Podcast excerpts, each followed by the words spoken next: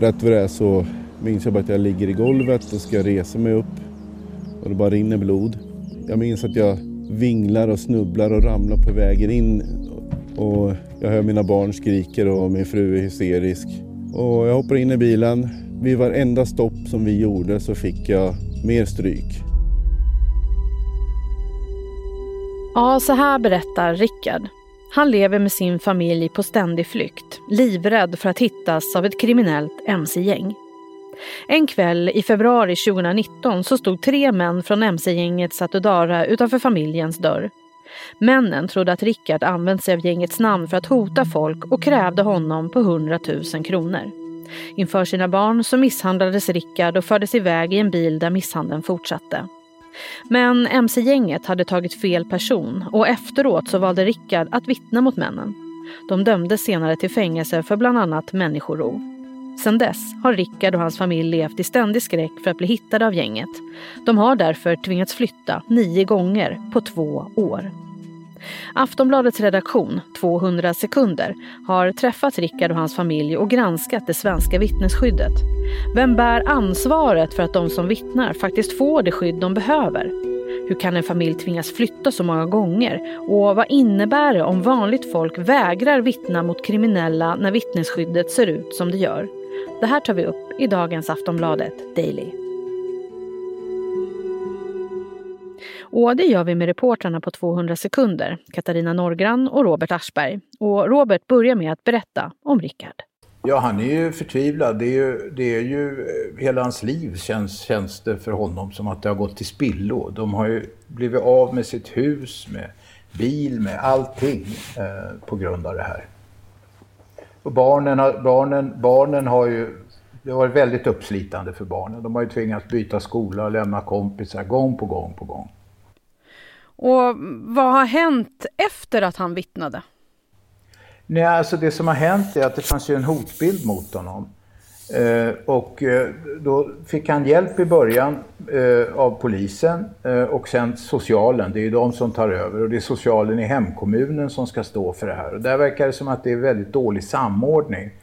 Både mellan polisen och socialen eh, och de olika sociala myndigheterna i respektive kommun. Så att de hamnar lite mellan stolarna hela tiden och får tjata och har fått hitta egna bostäder när de inte har fått hjälp och sådär. Nu bor de på ett ställe där de betalar väldigt hög hyra. Eh, de bor på ett ställe där de tills vidare känner sig säkra. Men det är nionde flytten. Och hur kommer det sig då att de behöver flytta så många gånger?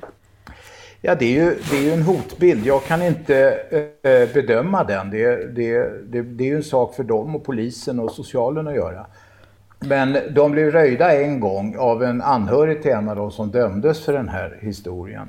Eh, en dotter till en, eh, en av dem som dömdes som kände igen barnen och då tvingades de fly hals över huvud igen. De är alltså livrädda för någon slags hämndaktion från det här mc-gänget. Några av barnen har ju fått eh, ångestattacker och de har halkat efter jättemycket i skolan och lämnat kompisar flera gånger de mår ju inte alls bra överhuvudtaget.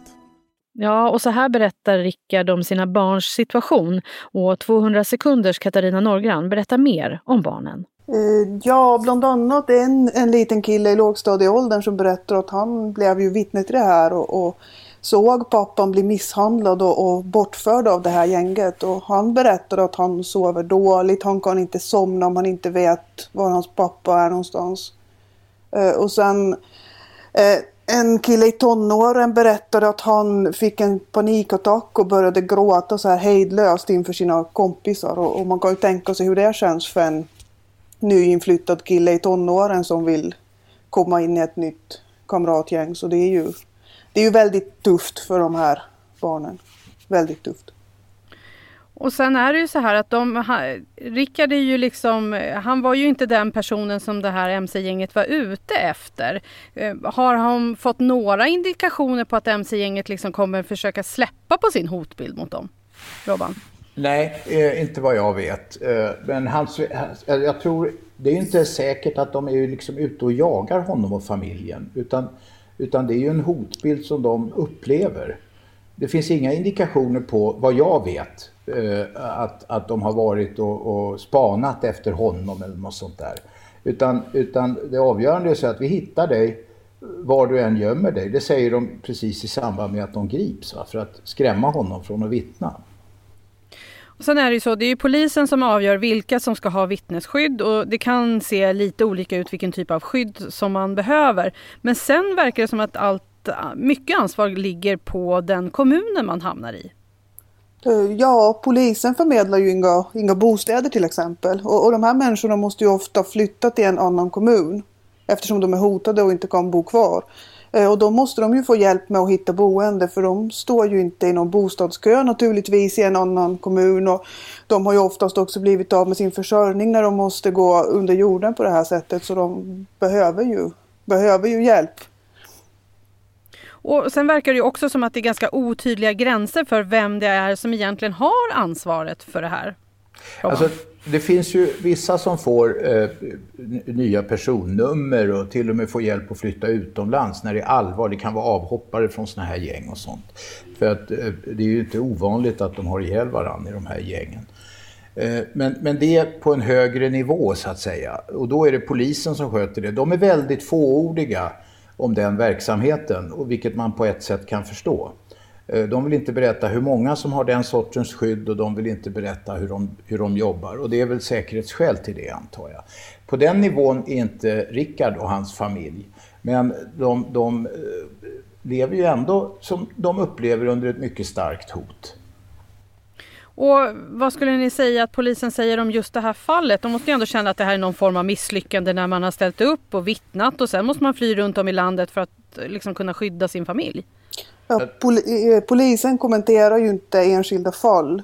Men det de säger är att de generellt alltså de har kapacitet att ge skydd åt människor som de gör bedömningen att de människorna lever under ett konkret hot.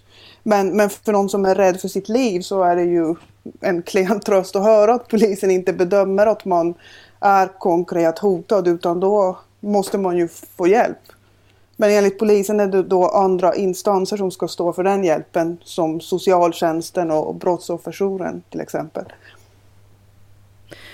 Vad säger då de politiker som ni har pratat om, eh, om det här om vittnesskyddet och ansvaret? För det är många som menar också att staten bör ta ett större ansvar. Mm.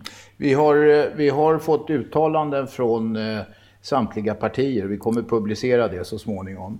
Eh, men vad man kan säga generellt är ju att eh, en del partier anser att man ska få eh, kunna vittna anonymt, vilket jag vet att det finns många jurister som är väldigt kritiska mot, för det finns ju problem med rättssäkerheten då. Eh, det finns de som menar att man ska kunna få vittna på annan ort, men alltså man digitalt på något vis ska kunna medverka. Eh, och det finns lite andra förslag på lösningar. Det verkar inte gå fort i alla fall, för det här är ju någonting som man borde ta ett tag i för väldigt länge sedan, eh, kanske redan under det här, ja eller tidigare än det här stora gängkriget mellan när det var Hells Angels och Bandidos som på skjuta på varandra. Och så här säger justitie och migrationsminister Morgan Johansson till Aftonbladet. Jag tror att samhället måste bli mycket bättre på att samordna stödinsatserna för de som eh, vittnar och för de som varit utsatta för, för brott. Och eh, därför så bad vi en en utredare se över hela vittnesstödet. Och eh, jag kommer att få ett betänkande för den utredaren lite senare i vår. Och då vill jag gå vidare med, med resultatet från det. Jag skulle också vilja eh, se till att de som ägnar sig åt att förfölja och hota vittnen, att de får rejäla straff för det de gör. Så vad skulle ni säga så här, om det här med vittnesskydd inte blir bättre? Vad kan det innebära att folk inte vill vittna mot kriminella? Det är ju vanligt redan idag. Det är ju väldigt många som säger att varför ska jag vittna? Man tjänar ingenting på det. Man utsätter sig bara för en stor risk. Och jag tycker att det, det är bedrövligt därför att om inte folk känner att de har mod att ställa upp och vittna så går det inte att stoppa kriminaliteten. Vad säger Rickard och hans familj? Vad hoppas de med att de liksom har gått ut med den här berättelsen nu? Jag tror att de hoppas på att de ska få bättre hjälp av socialtjänsten. Eh, i första hand. Och de vill eh, också ställa upp, eh, visserligen anonymt av naturliga skäl, men i alla fall ställa upp för att peka på det här problemet. De är ju inte ensamma om det här på något sätt. Jag skulle inte vilja vittna igen. Inte med tanke på hur vi har blivit behandlade efter att vi har vittnat så skulle jag inte vilja det. Det är inte värt. Vi har förlorat allt på grund av det här.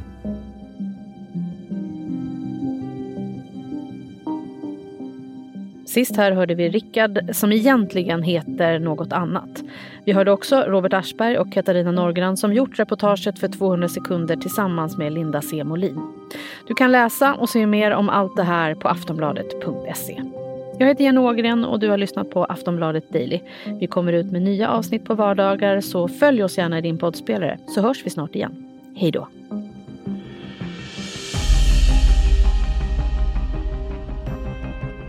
Du har lyssnat på en podcast från Aftonbladet. Ansvarig utgivare är Lena K Samuelsson.